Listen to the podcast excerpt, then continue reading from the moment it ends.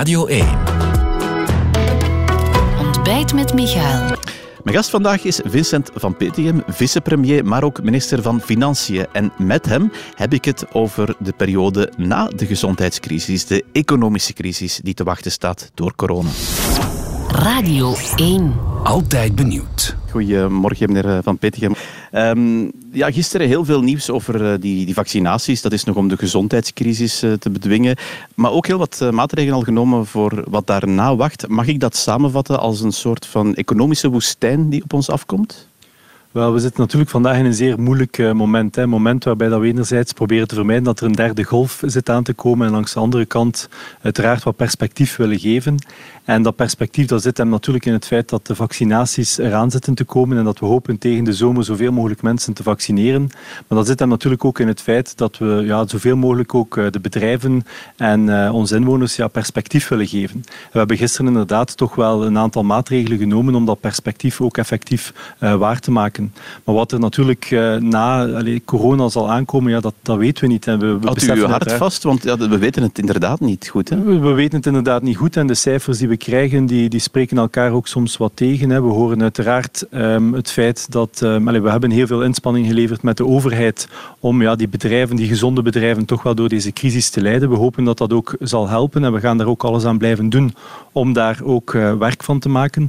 Langs de andere kant krijgen we natuurlijk ook de cijfers, of lezen we ook de cijfers die VBO en Graden naar voren schuiven, waar toch wel ja, een, een golf van uh, faillissementen wordt aangekondigd. En we moeten er dus nu alles aan doen om inderdaad, ja, zoals ik daarnet zei, die gezonde bedrijven van uh, voor de crisis, dat we die ook nu echt door deze crisis heen kunnen loden. Ja, daar zijn dus gisteren wat maatregelen voor uh, genomen, al of krijtlijnen toch uitgetekend. Die relance, dat woord wat we vaak zullen horen, denk ik, het komende jaar. Het, het geld dat het federale niveau via Europa zal ontvangen, dat, dat is al min of meer verdeeld, mag je dat zo zeggen? Wel, we weten dus dat we vanuit Europa 5,9 miljard krijgen en de federale overheid heeft daar 1,25 miljard van, van toegezegd gekregen. En we hebben nu inderdaad een, een akkoord over de, de manier hoe dat we dit gaan verdelen. We hebben daar een aantal assen uh, vastgelegd in, in ons plan en we hebben daar nu ook de investeringsprojecten aan, aan vastgekoppeld. Ja, het zijn er vier grote investeringsprojechten. Vier grote assen, hè, de digitalisering, sociale samengang,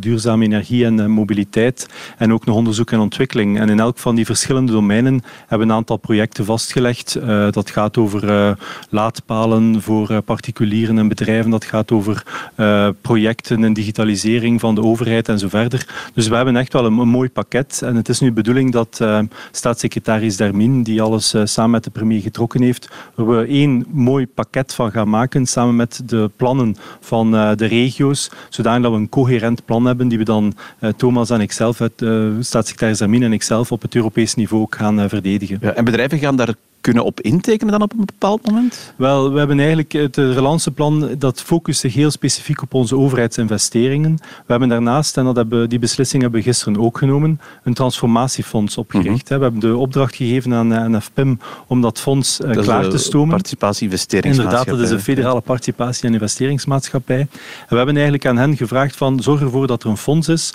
waarbij dat we langs de ene kant ervoor zorgen dat de bedrijven die vandaag wat moeilijkheden hebben met een financiële bus dat we die solvabiliteit opnieuw kunnen gaan versterken. Dat is één deel ervan. Het andere deel, en dat is minstens even belangrijk, dat is dat we de relance en de transitie die de bedrijven willen gaan um, doen, dat we die ook mee gaan ondersteunen. Want er zijn heel veel bedrijven die vandaag zeggen we willen gaan investeren in projecten in, duurzaamheid, projecten in uh, digitalisering. We hebben dat ook gezien op het moment dat we met de plannen rond relance kwamen, kwamen er heel veel bedrijven naar ons toe dat ze ideeën hadden en plannen hadden en projecten hadden. Wel, wij hebben daar nu fonds voor opgericht om hen daar ook mee in te ondersteunen. Ja, ik denk dat 750 miljoen euro is daar vanuit de overheid uh, ja, wij gaan zal ingestopt in worden. totaal 750 miljoen in dat fonds gaan steken.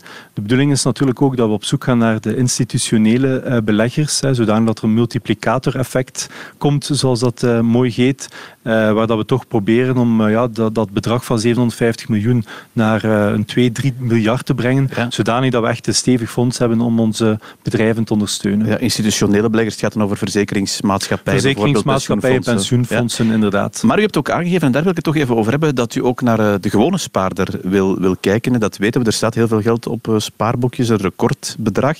Uh, hoe ziet u dat dan precies, dat activeren van het spaargeld? Wel, we hebben dat inderdaad mee opgenomen in dit transformatiefonds. Hè. Net omdat dit fonds onze bedrijven wil, wil een de transitie wil, wil maken, zorgen dat ze die omslag maken. We willen daar eigenlijk ook aan onze, aan onze burgers de kans geven om daarmee in te gaan investeren. Als je investeert in het fonds, dan gaat je investeren in het België van morgen. En die kans willen we ook aan de, aan de kleine spaarders geven. Ik hoor vandaag van eh, heel veel mensen van ja Vincent, waar moet ik in, in gaan investeren? En uiteraard uh, zijn er velen die, uh, die in de beurs kunnen investeren.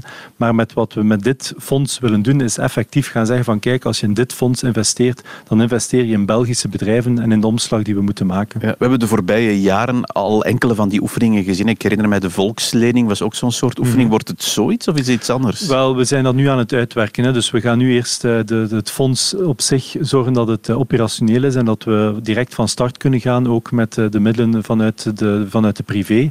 En dan is het de bedoeling om in die, periode ook eh, de, de, tijd te nemen om te gaan kijken hoe we die kleine spaarders kunnen gaan eh, overtuigen om eigenlijk ja, mee te gaan investeren in, in die Belgische economie. Ja, u kan natuurlijk vanuit de overheid dat eh, aantrekkelijk maken door fiscaal mhm. daar eh, een cadeautje te geven. Is dat ook de bedoeling? Wel, daar zijn we vandaag ook nog eh, naar aan het kijken. Maar wie vandaag naar de financiële markten kijkt, die moet eigenlijk zeggen dat het geld op zich geen probleem is. Wat we vooral willen doen is aan de, aan de burgers ook het verhaal geven van kijk, je kan mee investeren in die, in die omslag die we willen maken naar meer digitalisering, naar, naar meer vergroening en, en duurzaamheid.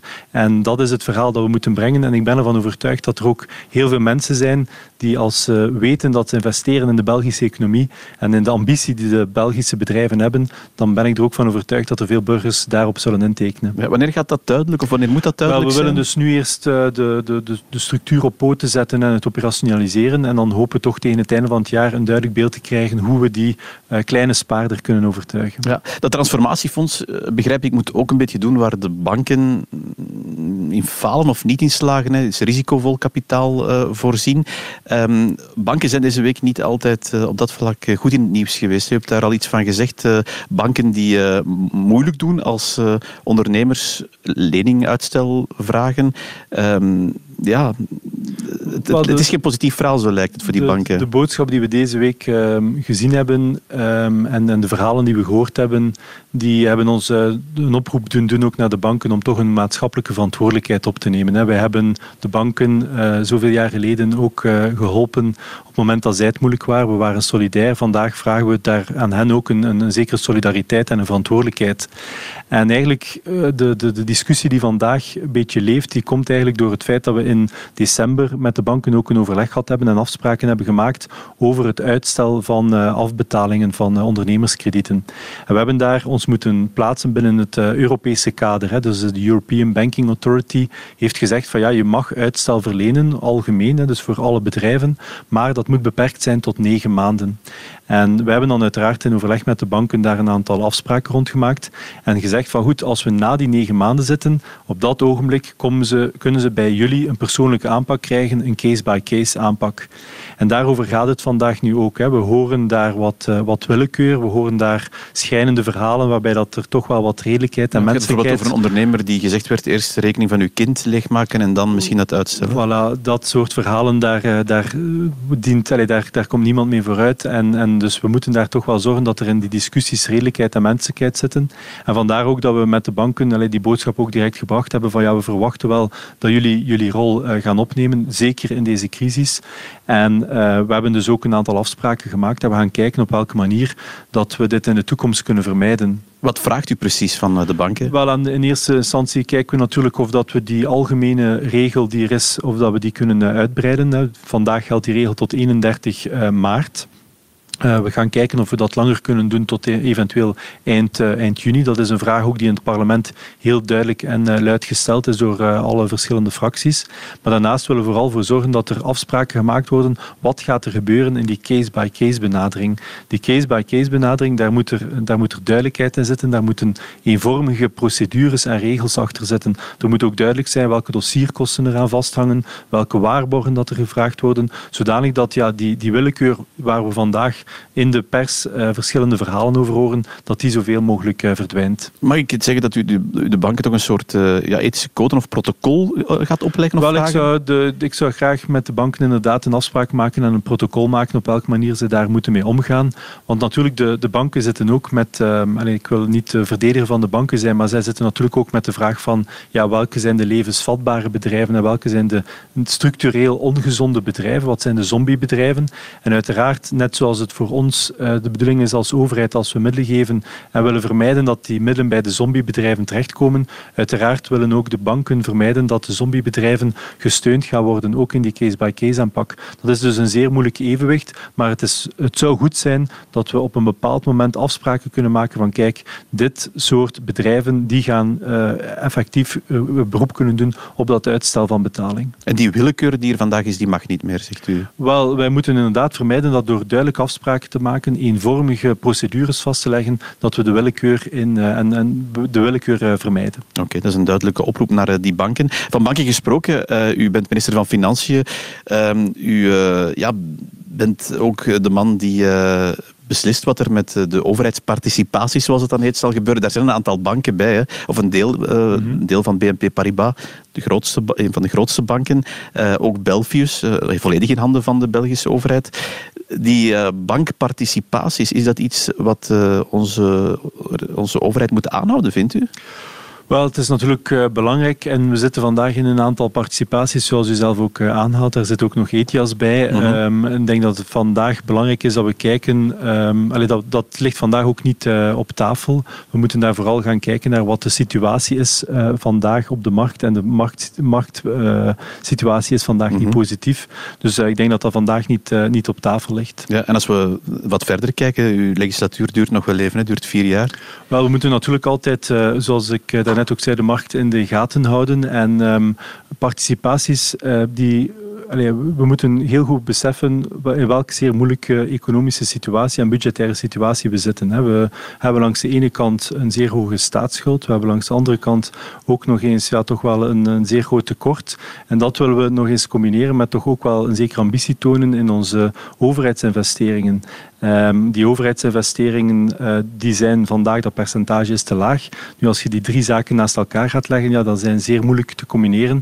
En op dat ogenblik komt natuurlijk naar voren en kan naar voren komen dat we die participaties op tafel leggen, maar dat wel op voorwaarde dat we natuurlijk die middelen die daaruit vrijkomen, dat we die gaan investeren in, in, in, in, in, in productieve en, en groeibevorderende uh, investeringen. Het heeft geen zin om die te gaan gebruiken om onze, om onze tekorten weg te werken. Nee. Maar je sluit dus wel niet uit, want dat is wel belangrijk, eh, die uh, participaties in het zij Belfius, het zij BNP Paribas of het zij Etias.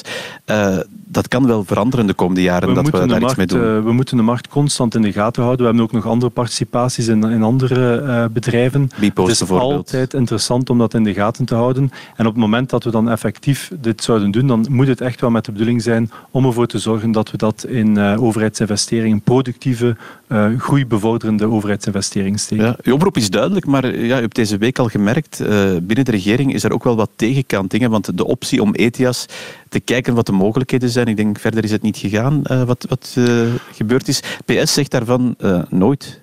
Wel, op een bepaald moment is binnen de regering de vraag gesteld van ja goed, uh, ETIAS, uh, wat is daar de situatie, wat is daar de stand van zaken?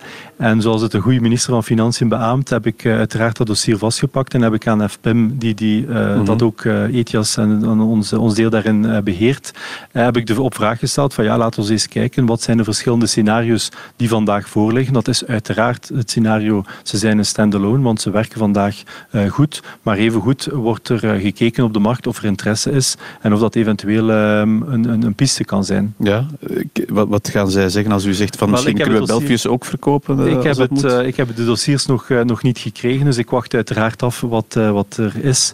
En ik zeg het ook, we hebben binnen de regering daarover nog geen discussie gehad. Hè, dus wat er vandaag gebeurt is ook voor mij de voorbereiding op een, op een debat dat moet komen. En als we zo'n debat aangaan, dan wil ik ervoor zorgen dat ik alle cijfers ken. Ja, nog een laatste vraag, meneer de minister. iets wat ook geld moet opbrengen om die coronacrisis te betalen, het is maar een klein beetje in het geheel, is die effectentax. Hoe zit het daar nu mee? Wel, die effectentax uh, die komt uh, volgende week opnieuw uh, op, op, ter discussie in de commissie Financiën. We gaan daar de tweede lezing hebben. Op het moment dat het daar dan goedgekeurd wordt, zal het naar de plenaire gaan en zal het dan effectief van kracht worden. Ja, die komt er sowieso, zegt u? Wel, als we de, moeten uiteraard de tijd nemen in het parlement en ieder parlementslid heeft uiteraard de kans om daar vragen over te stellen. die procedure moet uiteraard doorlopen worden, maar nadien zal op het moment dat het gestemd is in de plenaire, dan komt die wet er uiteraard. Ja, wat is moeilijk tot standkoming, hè, die effectentax? Wel, moeilijk tot standkoming, ik weet het niet. Het was de bedoeling om dat eh, klaar te hebben tegen de begrotingscontrole van maart. En we zijn uh, de bedoeling om op tegen dan een voorstel te hebben. Ja, ik denk dat wij op dat vlak toch wel uh, de gaspedaal wat ingeduwd hebben. Ervoor te zorgen dat we dit dossier heel snel en heel correct hebben aangepakt. We hebben uiteraard binnen de regering daar een discussie over gehad. We hebben nu binnen het parlement daarover een discussie. En op het moment dat die discussie geëindigd is, zal, het, uh, zal die bijdrage die we vragen van de, ja, de effecten rekenen met meer dan 1 miljoen euro op. Op dat ogenblik zal die van kracht worden. Ja, en van kracht, op welke periode kijkt u dan? Wel, op het moment dat dat in, het, in de in de plenaire is goedgekeurd. En ik vermoed dat dat binnen dit en een, ja, afhankelijk van hoe lang het duurt, maar binnen een, een, paar weken zal zijn. Ja, op dat ogenblik komt het in het, in het staatsblad en wordt het van kracht en, en helden de regels. Oké, dat zullen we dan opvolgen. Dank u wel, meneer de minister, voor de komst. Dit was Ontbijt met Michael, een podcast van Radio 1. Ontdek nog meer podcasts van Radio 1 in onze app en op radio1.be. Altijd benieuwd.